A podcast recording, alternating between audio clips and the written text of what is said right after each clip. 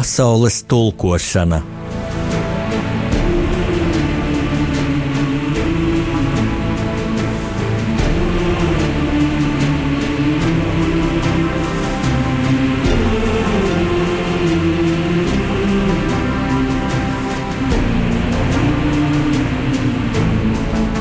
Studijā rakstnieks Jānis Udris.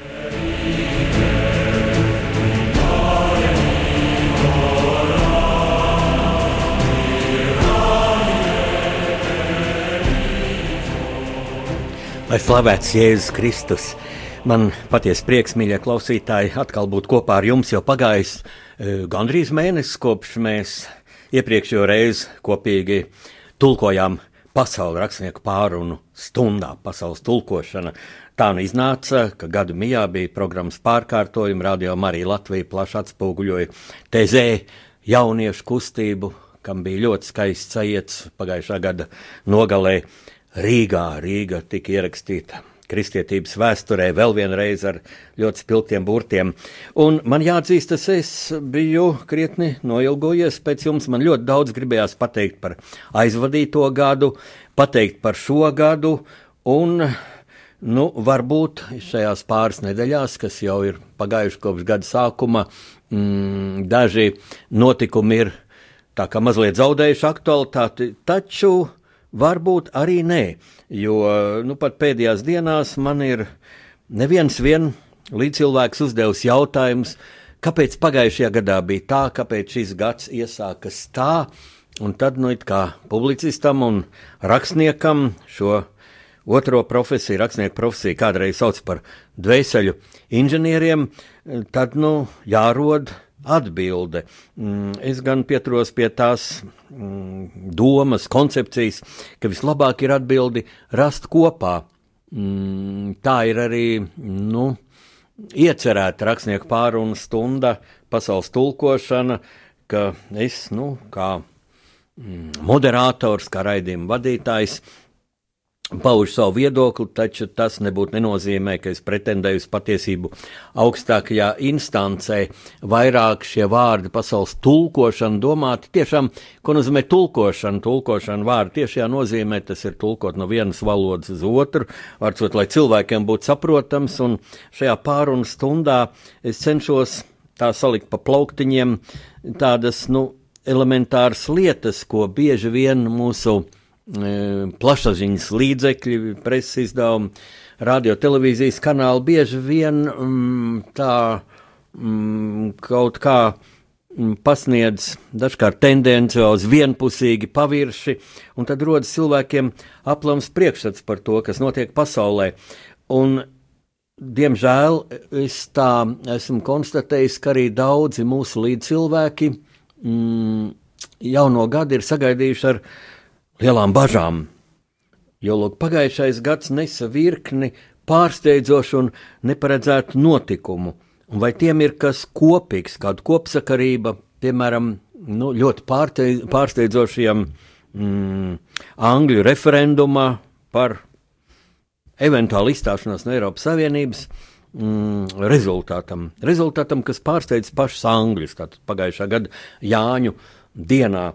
Es par to jau esmu runājis plašāk. Te bija ļoti daudz subjektīvu iemeslu, gan, gan tas, ka tajā dienā Anglijā plosījās milzīgs negaiss lietas, un, un, un tie cilvēkam bija vienaldzīgs, nepārāk svarīgs šis. Uh, referenduma rezultāts, kur domāja, ka viss jau tāpat paliks pa vecam, tie palika mājās. Bet, lūk, tie, kas iestājās par to, ka, ka Anglijai pietiek būt Eiropas Savienībā, kas iestājās par Britu nācijas tādu lepnumu, pašapziņu, tie gāja neraugoties lielo lietu balsot. Nu, tāds bija viens no šiem skaidrojumiem. Otrs bija arī tāda ļoti neveiksmīga lokālā propaganda. Katrā ziņā pasaule bija pārsteigta.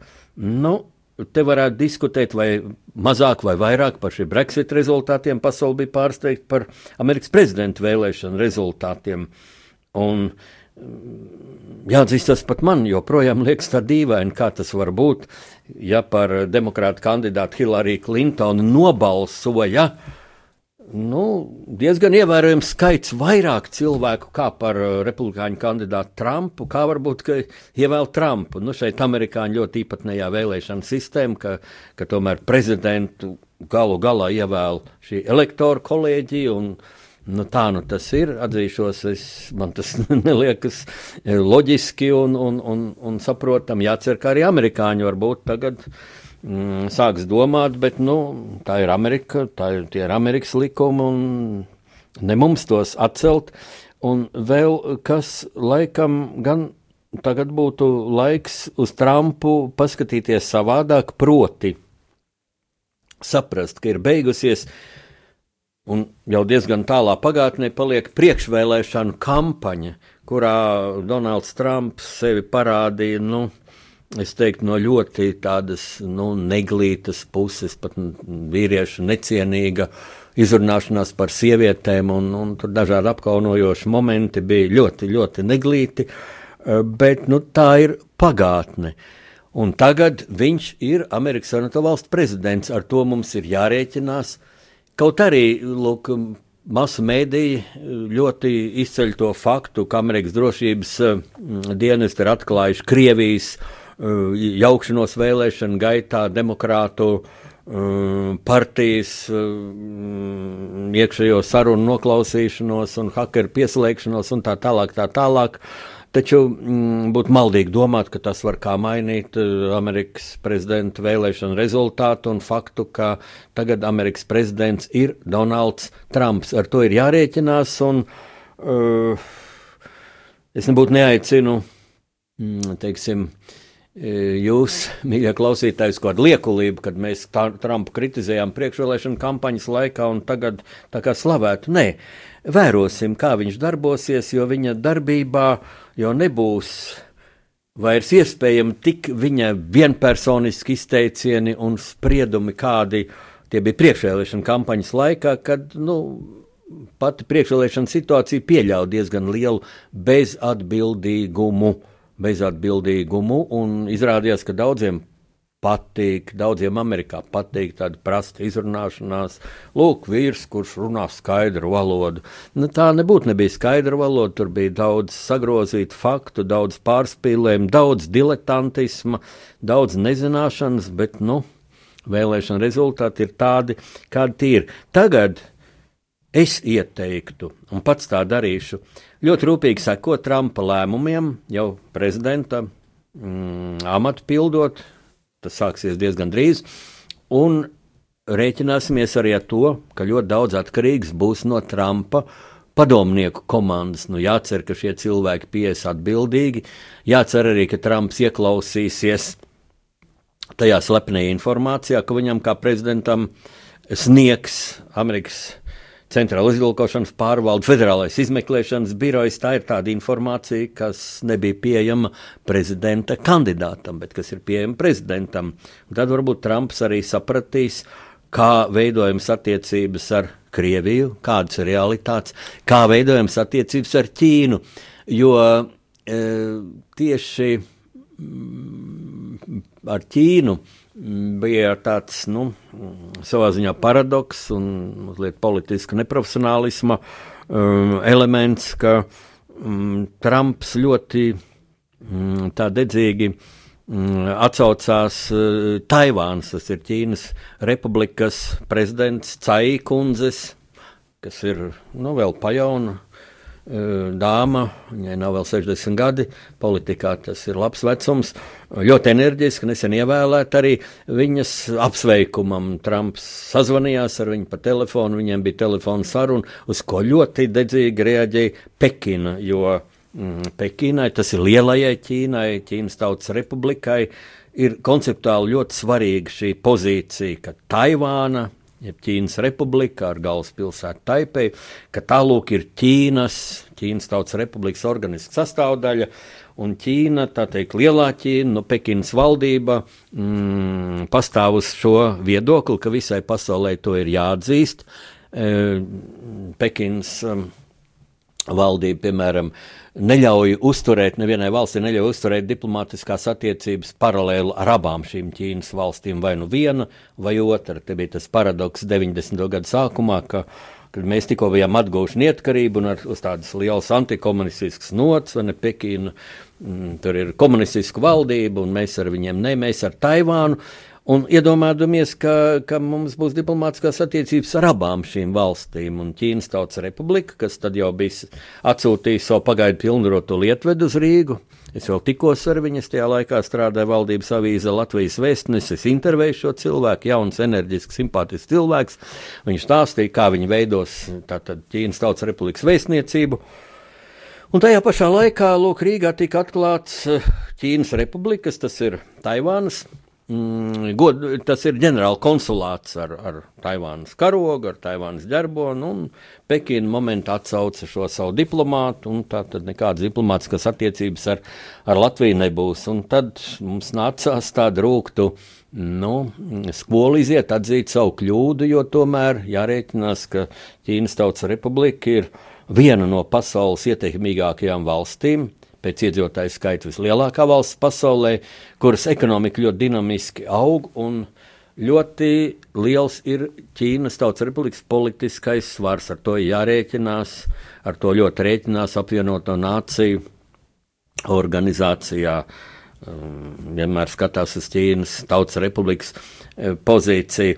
Nu, Trumps to nebija ņēmis vērā, bet nu, vēl joprojām būdams tātad, mm, pirms stāšanās prezidenta amatā. Ļoti man personīgi interesē, kā viņš šīs lietas kārtos ar, ar Pekinu un ar Taipeju, būdams prezidents. Es domāju, ka tas būs krasi atšķirīgi. Nu, bet kādu kopsaucēju likt šai, šai negaidītajai, pārsteidzošajai pērnā gada attīstībai? Uh, kurā noteikti jāņem vērā ir būtiski pieaugušie terorismu draudi, pie tam ar pavisam jaunām tādām tehnoloģijām, lūk, kad cilvēks, kāds mm, neģēlis, mm, sātans cilvēku izskatā, es teiktu, sēž smagajā mašīnā pie stūras un drāž cilvēku pūlī, nogalinādams nevainīgus cilvēkus, sievietes, bērnus Tā notika Francijā, Nicā, tā notika Ziemassvētku tirdziņā Berlīnē. Es esmu bijis šajā vietā, kur Ziemassvētkos ierīko tirdziņu, tas ir pašā Berlīnas centrā, ļoti simboliskā vietā, kur ir pie jauna, liela tirniecības centra, moderna, e, saglabāta otrā pasaules kara laikā sagrauda baznīca, kā tāds simbols cilvēku algā, algām, alkām pēc miera, mm, atgādinājums par kara šausmām. Lūk, tieši šādā vietā notika šis terora akts. Kā mums pret to izturēties? Mani ļoti domīgu dara mūsu oficiālo iestāžu tādi paziņojumi, ka pie mums uh, terora draudu līmenis ir samērā zems, uh, ka pie mums viss ir kārtībā.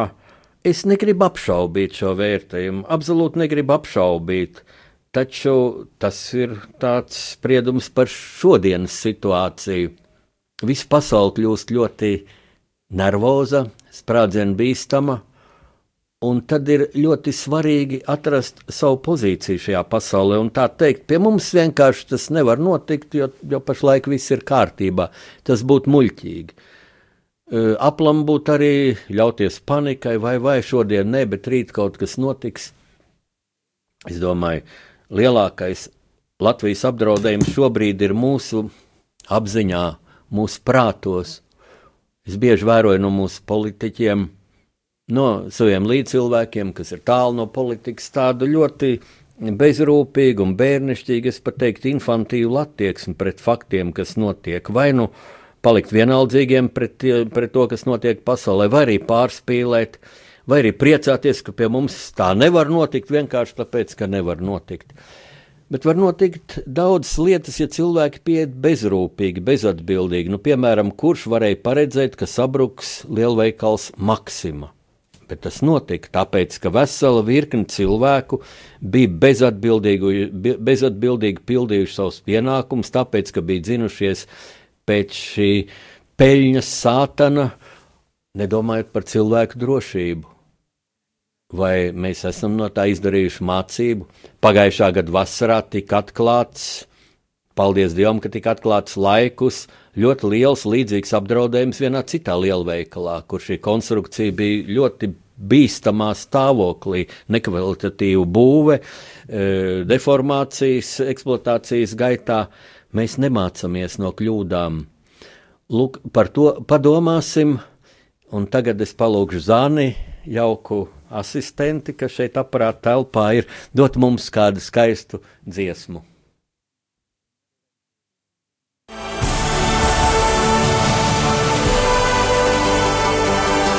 Pasaules tulkošana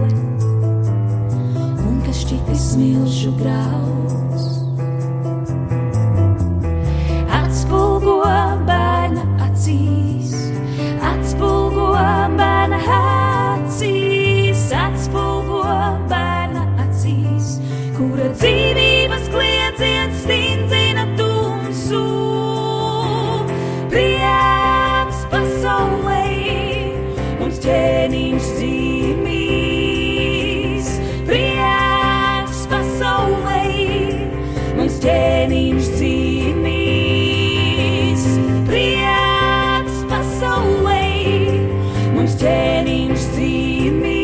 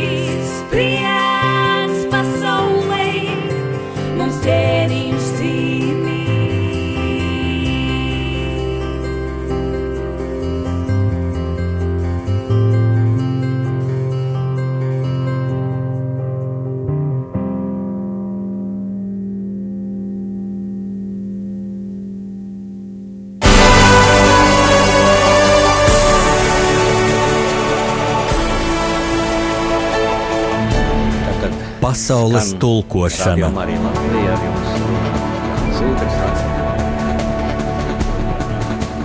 Pēc šīs brīnišķīgās dziesmas es gribu mm, turpināt mūsu sarunu ar labo vēsti. E, tas nebūs nekas jauns, tas ir kas tāds, ko jūs ļoti labi zināt, taču varbūt mēs ikdienā to pietiekam nenovēr nenovērtējam, bet es gribu, lai jūs manos turpmākajos vārdos īpaši ieklausītos šajā 2017. gadā mm, tomēr ieskaņas posmā, jo tas ir ļoti būtiski. Un šī vēsts ir pavisam vienkārša. Mēs, kas vadām Radio Mariju Latviju, jūs, kas klausāties Radio Mariju Latviju, esam kristieši.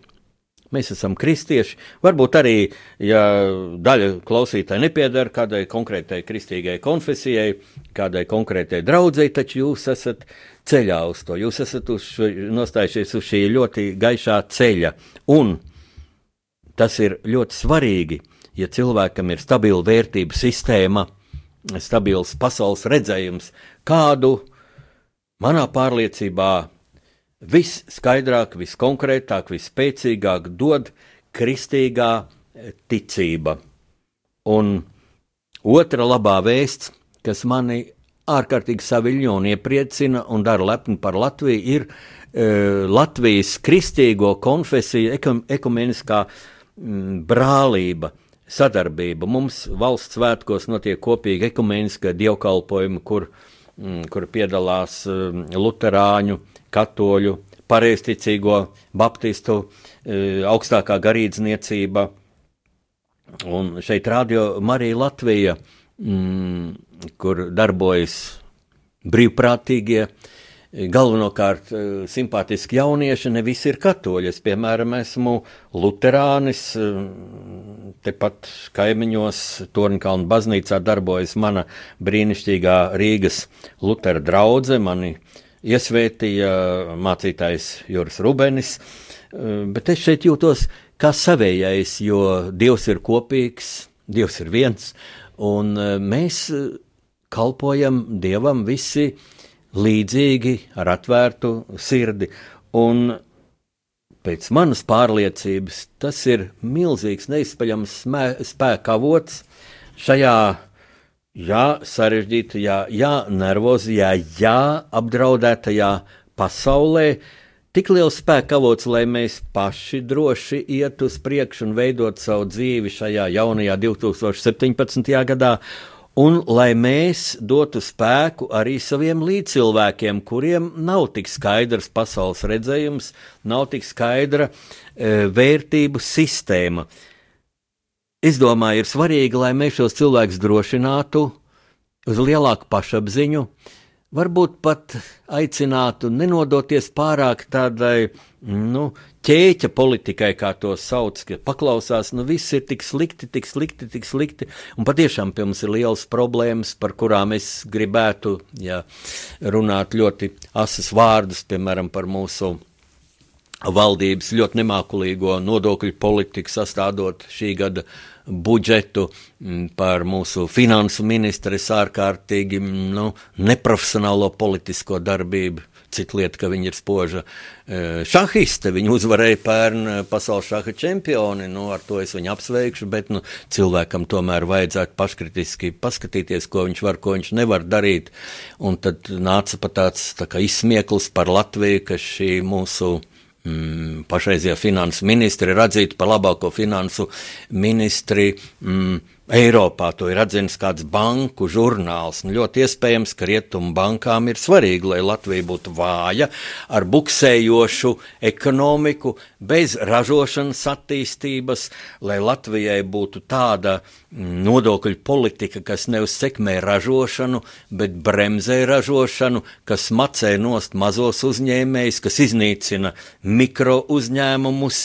Mm, svarīgi, lai latvieši brauktu uz ārzemēm, mums vajadzētu saprast, ka tas mums nedara, ka tas ir pret mūsu tautas, pret mūsu valsts interesēm. Nu, tas ir viens aspekts, mm, kā mums vērtēt sevi e, šodienas e, pasaulē. Un jāteic, pasaule nekad nav bijusi vienkārša, un acīm redzot, nekad jau nebūs.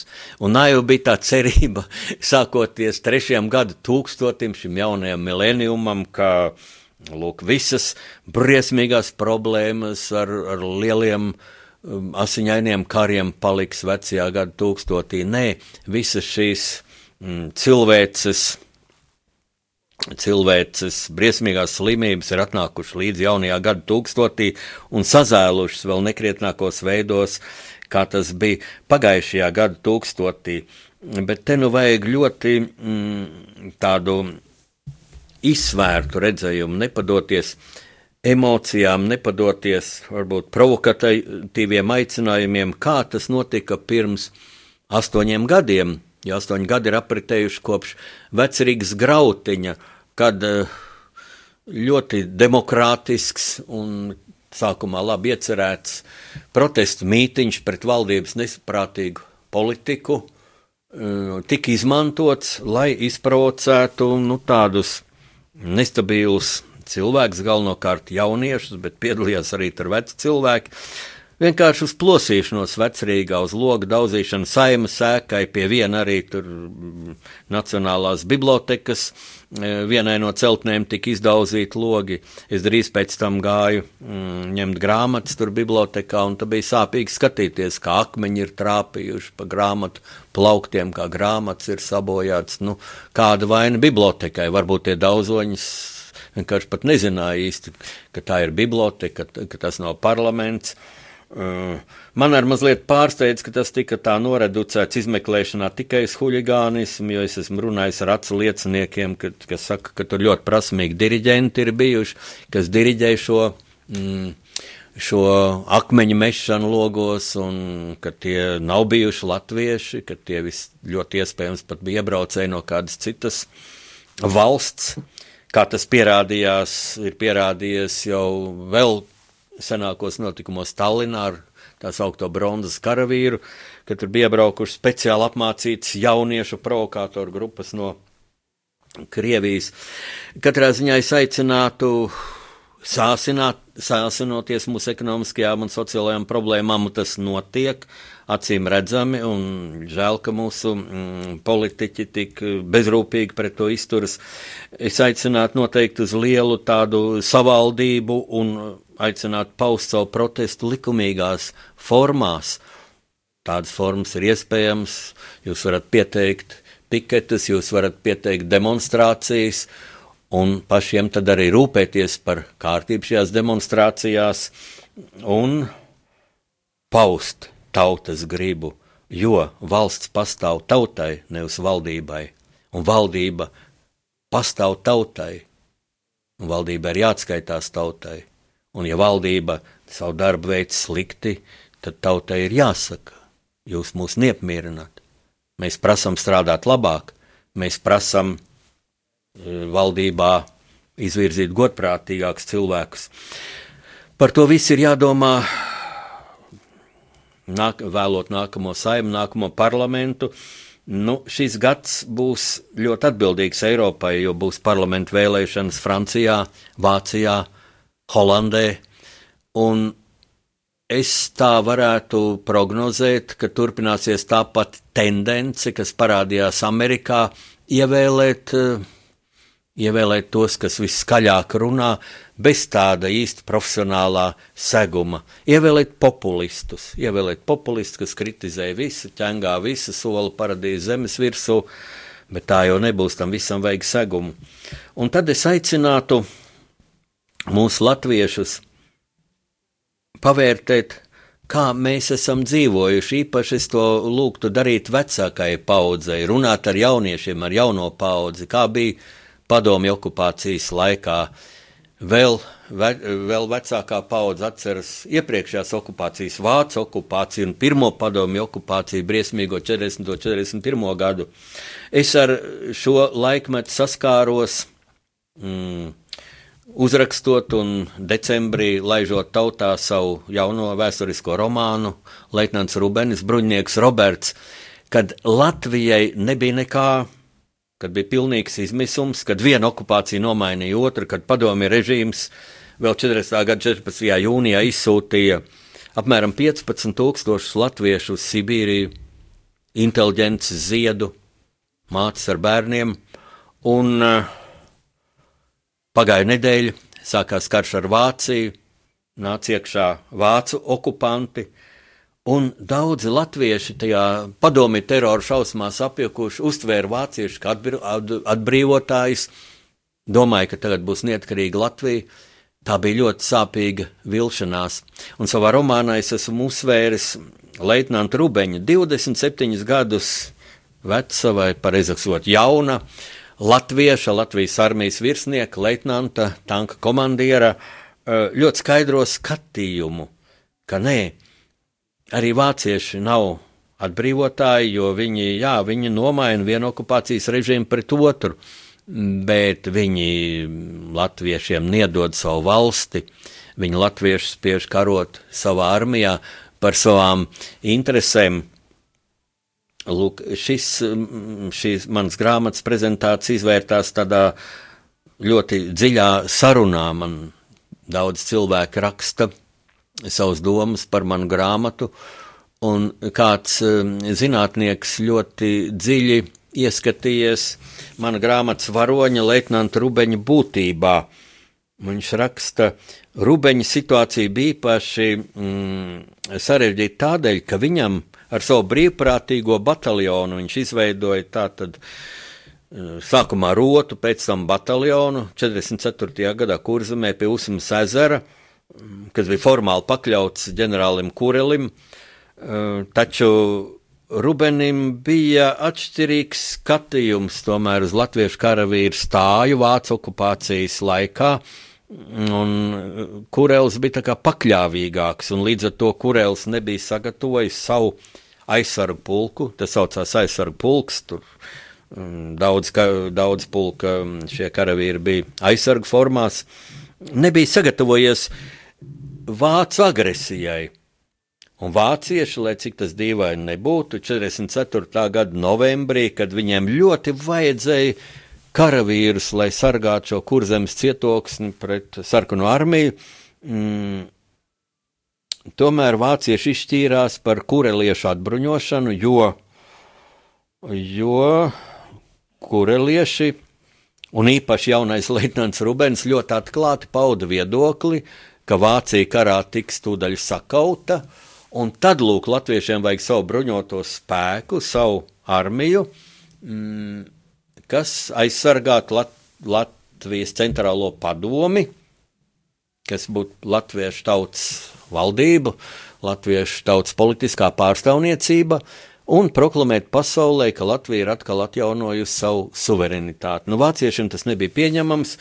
Kureļa aizsargu pulku bez kaujas atbruņoja, karavīrs aizsūtījis koncentrācijas nometnēm, virsniekus, vairākus virsniekus nošāva, bet Leitnants Rubens bija tālredzīgāks, viņš pirmo vācu soda ekspedīciju padzina, aplēca un padzina, un pēc tam mainīja dislokācijas vietu, atrada piemērotu vietu aizsargāšanās kaujām, un 44. gada 18. novembrī notika kauja, kurā latvieši uzvarēja vācu soda ekspedīciju krietni lielākos spēkus.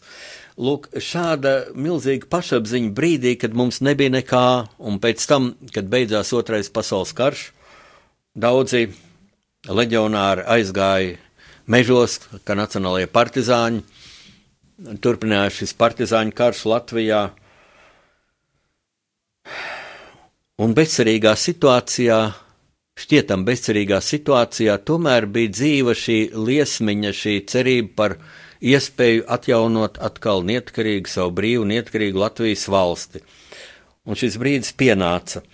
Nu, es negribētu teikt, ka tagad ir kaut, kaut uz to pusi tik dramatiska situācija. Nē, tagad mums ir tādas politiskās, juridiskās, ekonomiskās iespējas, sociālās iespējas, par kādām latvieši nevarēja sapņot padomju okupācijas laikā. Mums ir iespēja deleģēt labākos cilvēkus uz savu parlamentu, izvirzīt labākos cilvēkus savai valdībai.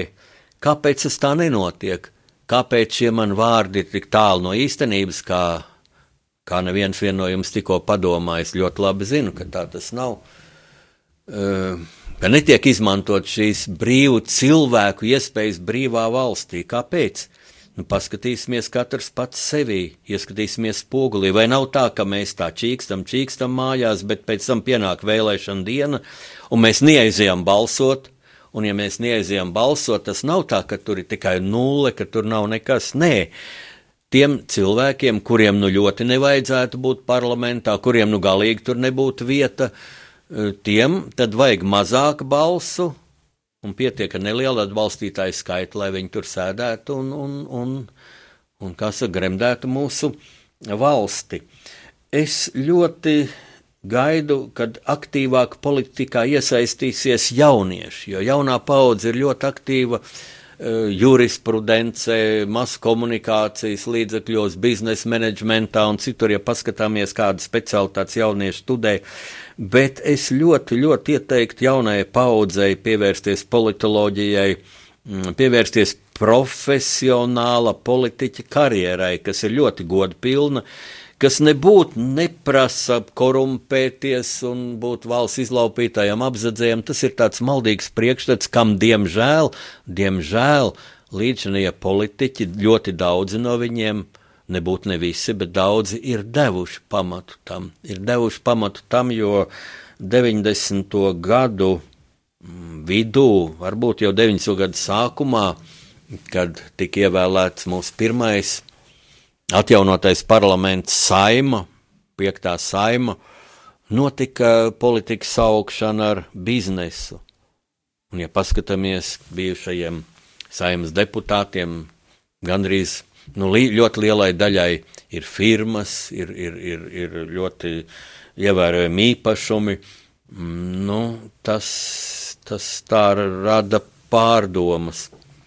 Es aicinātu jauno paudzi nākt ar jaunu morālu politikā, ar jaunu skatījumu uz valsti, ar jaunām ambīcijām. Un tās ambīcijas varētu būt tādas, ja es gribu, lai mans vārds spīd Latvijas politikā.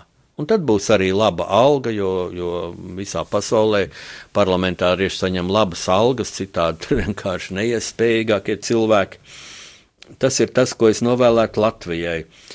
Un vēl tagad, kad aizvien jauni nodokļu mūžu ņaudz, un, un cilvēki pauž ļoti pamatotu neapmierinātību. Mani vārdi daudz pārsteigs, bet es esmu bijis 70 pasaules valstīs, un ziniet, ko nu, lielākā daļa no cilvēces, ja, lielākā daļa no šiem miljardiem cilvēku noteikti dzīvo daudz sliktāk kā mēs Latvijā noteikti. Tā kā ir grēks, ir grēks teikt, ka nu, mums ir pēdējā stundiņa klāta. Es zinu ļoti daudzus gadījumus, kad cilvēki izmanto mūsu nesakārtoto likumdošanu un para, parazitē uz bezdarbnieku pabalstiem un gluži vienkārši neiet strādāt, kad viņam dod darbu. Tur var atrast visdažādākos ceļus un neceļus, lai tā darītu. Un pāriem mierīgi noskatās, pāriem mierīgi noskatās. Man stāstīja, ka Latgalē tur, teiksim, nu, saņem bezdarbnieku pabalstu, nu, ko tu darīsi tikmēr, nu, mācīšos svešu valodu, labi, tur iet uz kaut kādiem angļu valodas kursiem, nu, sēž tamborē, kaut ko vai pļāpā, pabeidz tos kursus, laikam nekāds rezultāts īpaši netiek prasīts, vai iemācījies to valodu, nē. Nu, paiet kāds laiks, nu, tad iesmācīsies vācu valodu, nu, un kur tad tie poligloti paliek, ko viņi dod Latvijas valstī. Tad, kad ir viela pārdomām un viela un brīdis skaistai mūzikai.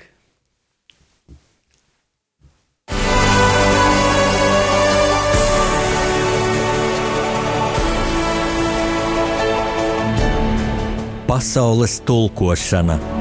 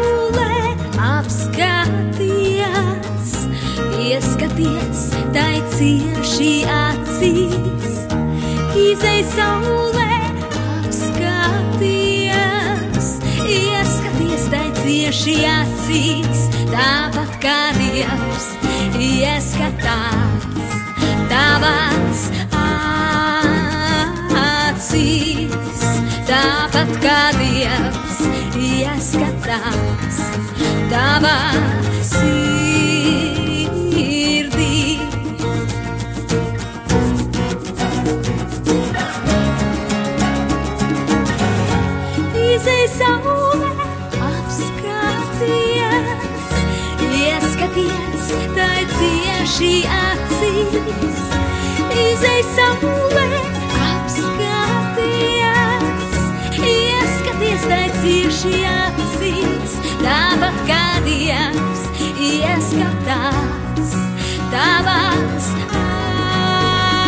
acīs, tāpat kā Dievs ieskatās.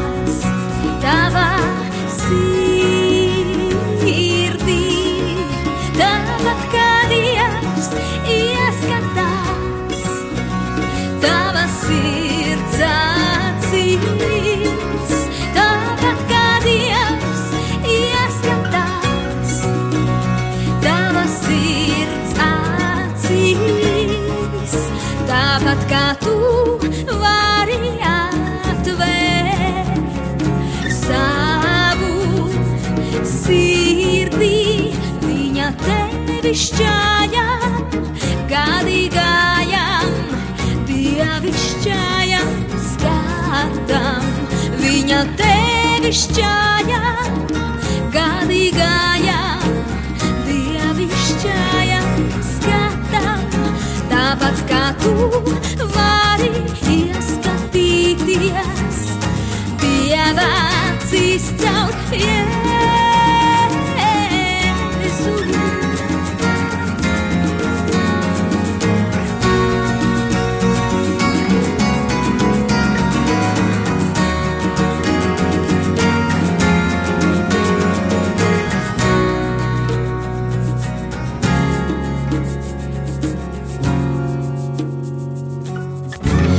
Izej saulē, apskaties, ieskaties, tai cieši acīs. Izej saulē, apskaties, ieskaties, tai cieši acīs.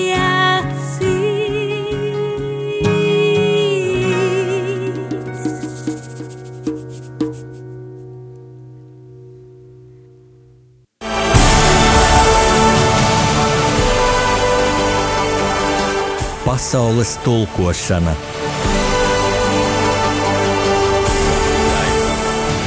Tāda ļoti būtiska parādība, ko es gribu ļoti, ļoti mm, akcentēt.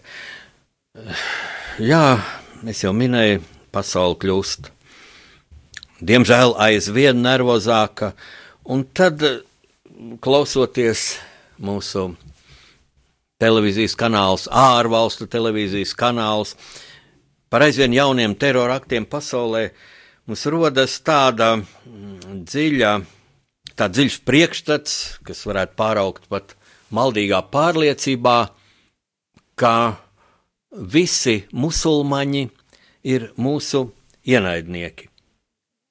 Jo patiešām šos terora aktus pastrādā, nu, es teiktu, tādi aptrakuši, sātana, sātaniski ideja apdulināt cilvēku, kas bļāvā lahāk bāru un, un, un, un, un citē atsevišķus Korāna pantus, un jā, tie ir musulmaņi. Taču tā ir liela krāpšana, liela bēdī, blēdība pasniegt visu musulmaņu pasauli kā kristiešu ienaidniekus.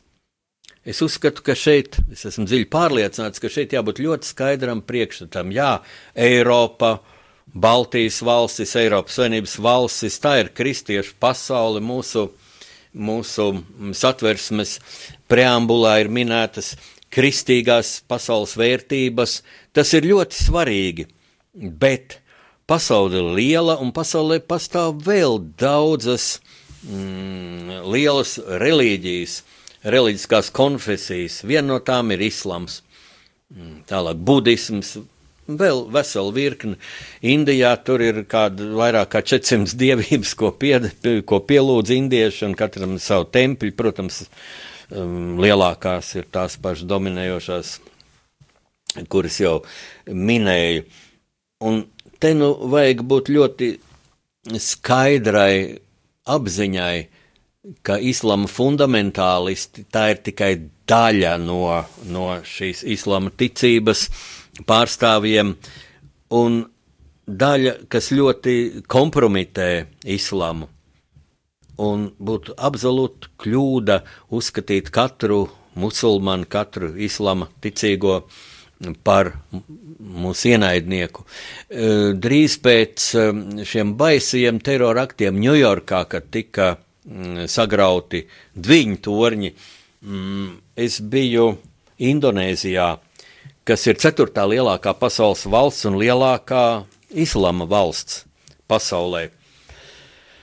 Un man jāteic, indonēzieši ir brīnišķīga tauta, čakli, ļoti ticīgi. Pie tam šis islāms, kā es to redzēju, ir ļoti miermīlīgs, ļoti miermīlīga reliģija.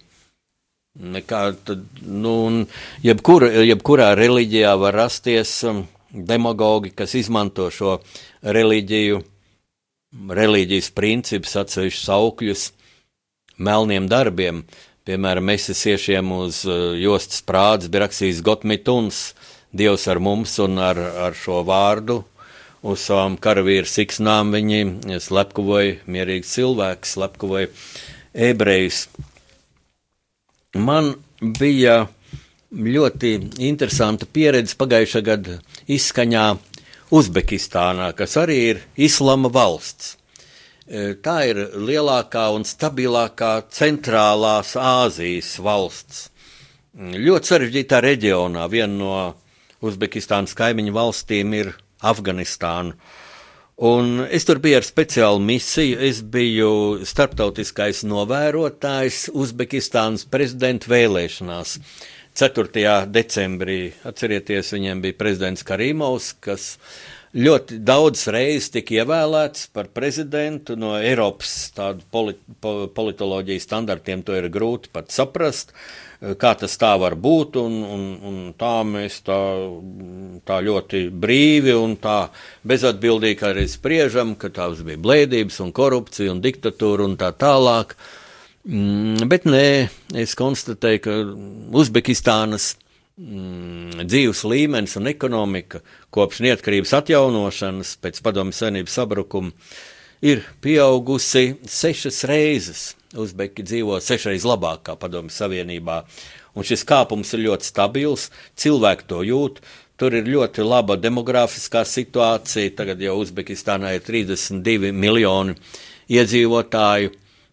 Viņi ļoti prasmīgi izmanto savus zemes resursus. Viņi paši lepojas, ka viņu zemē ir atrodami visi Mendeļēju tabula, visi šie elementi, kurus tagad viņi prasmīgi izmanto. Uh, atkopjoties no padomju savienības uzspiestās tādas monokultūras, ka tur visiem vajadzēja audzēt kokvilnu un, un tad zēla korupcija un blēdības un, un tika izmantots bērnu darbs.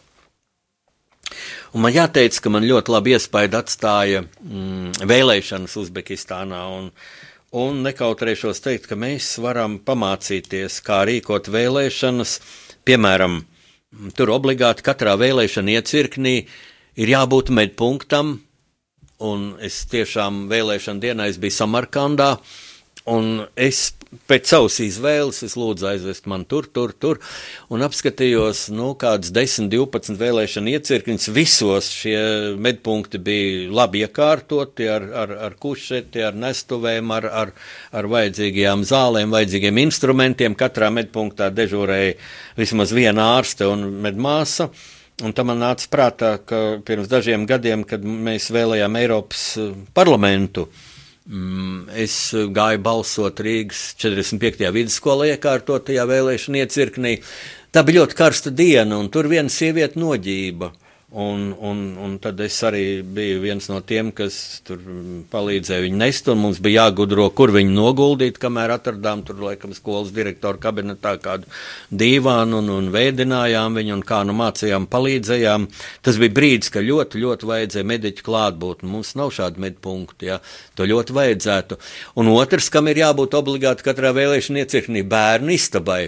Mm, ar rotaļlietām. Tur ir viss sākot no, no, no bērniem, no gultiņas, kur viņam gulēt, un podziņa, kur viņa, eh, un nu, viss, kas bērnam vajadzīgs, un brīnišķīgām rotaļlietām.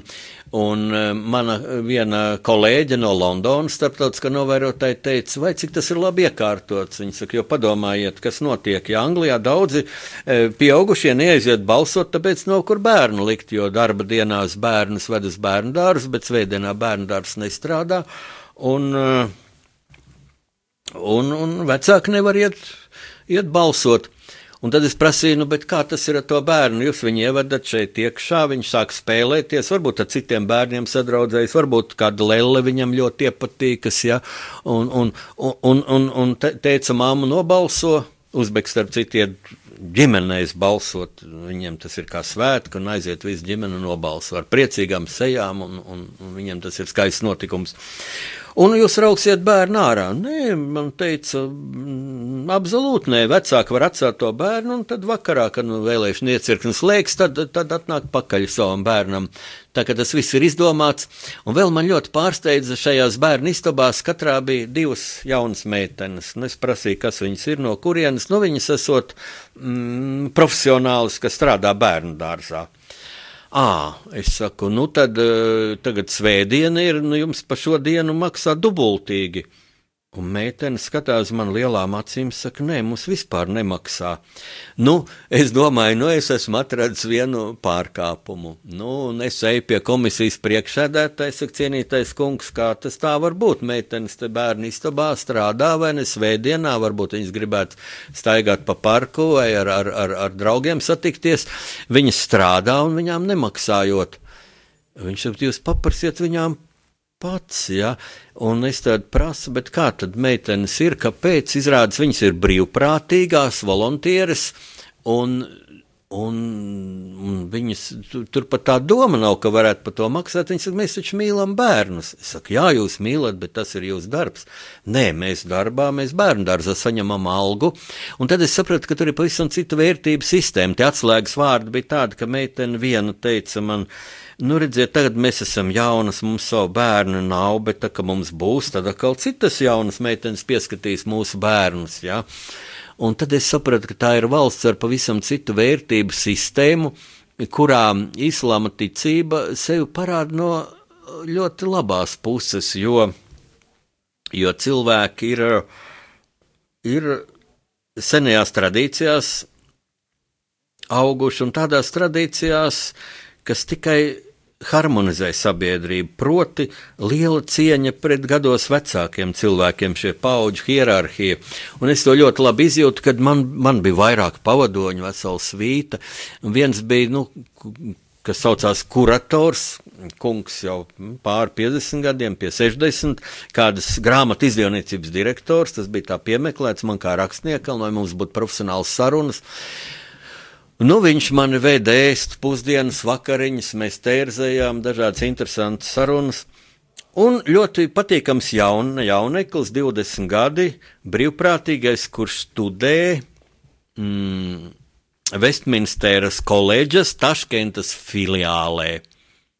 Lūk, tāds dīvains salikums. Ja. Es nepārteicos, Vestminsteras koledžai, ļoti prestižai Anglijas augstskolai, ir sava filiāle, sava nodaļa Taškentā. Uzbekiem ir finansiālais tātad, nodrošinājums tam, lai apmēram puse no, no mācību spēkiem tur ir angļi no Anglijas. Mācības notiek galvenokārt angļu valodā, viņi gatavo starptautisko attiecību speciālistus.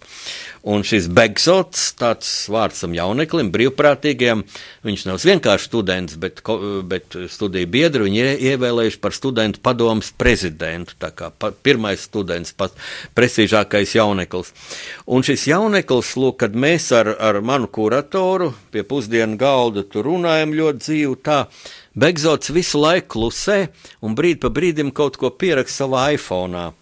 Un tad šis vecākais uzbeks man saka, Jānisā gā, viņiem gā tas ir pie vārda, viņi saka, klātā gā, nu tas nozīmē, kā vecākais brālis, padomdevējs. Viņš saka, vai es drīkst iet uzsmēķēt? Jā, nu lūdzu, ej. Un es palieku ar jaunekli, es saku, kāpēc, kāpēc jūs neko nerunājat un ko jūs tur pierakstat un tā. Un izrādās, viņš kā nu, tā nav pieņemts, bet es klausos, es taču vairāk iegūstu klausoties, jums ir lielāka dzīves pieredze. Nu, lūk, šādas ļoti spēcīgas atmiņas man ir no Uzbekistānas, un, un tad es tā sāku domāt, vai mums ir kas kopīgs, jo ļoti šie kristietības principi, tomēr mums ir ļoti, eh, kristietības principi no islāma principiem ir ļoti atšķirīgi, ja kā mēs redzam Dievu, kā mēs redzam pasauli. Un tad pēkšņi man sarunā ar šiem uzbeku saviem pavadoņiem radās tāda, mm, tāds formulējums, ko jauneklis studēļas Vaifonā pierakstīja kā ļoti, ļoti svarīgu atziņu. Un tas bija tāds, ka kristīgā ticība mm, jau it kā nepastāv pati par sevi, bet pastāv no divām daļām. Viena šī koncepcija, kā mēs zinām, kā mēs redzam Dievu, Dievu dēlu, Jēzu Kristu, tas ir viens - Bībele, jau, vecā derība, jaunā derība. Un otra daļa ir kristietis kurš ir uzticīgs še, še, šīm kristīgajām vērtībām, kurš saskaņā ar tām dzīvo, kurš tās pārstāv un nes pasaulē tālāk. Līdzīgi ir islamā Korāns, un cilvēks, kas, kas ir uzticīgs šiem Korāna principiem.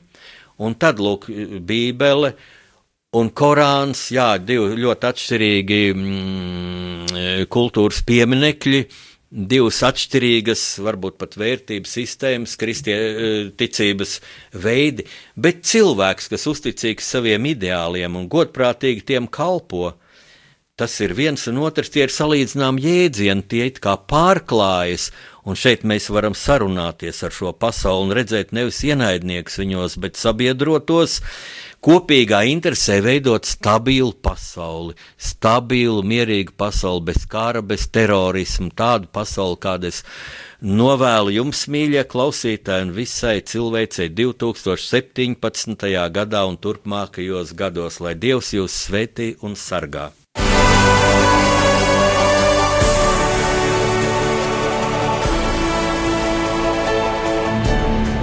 Pasaules tulkošana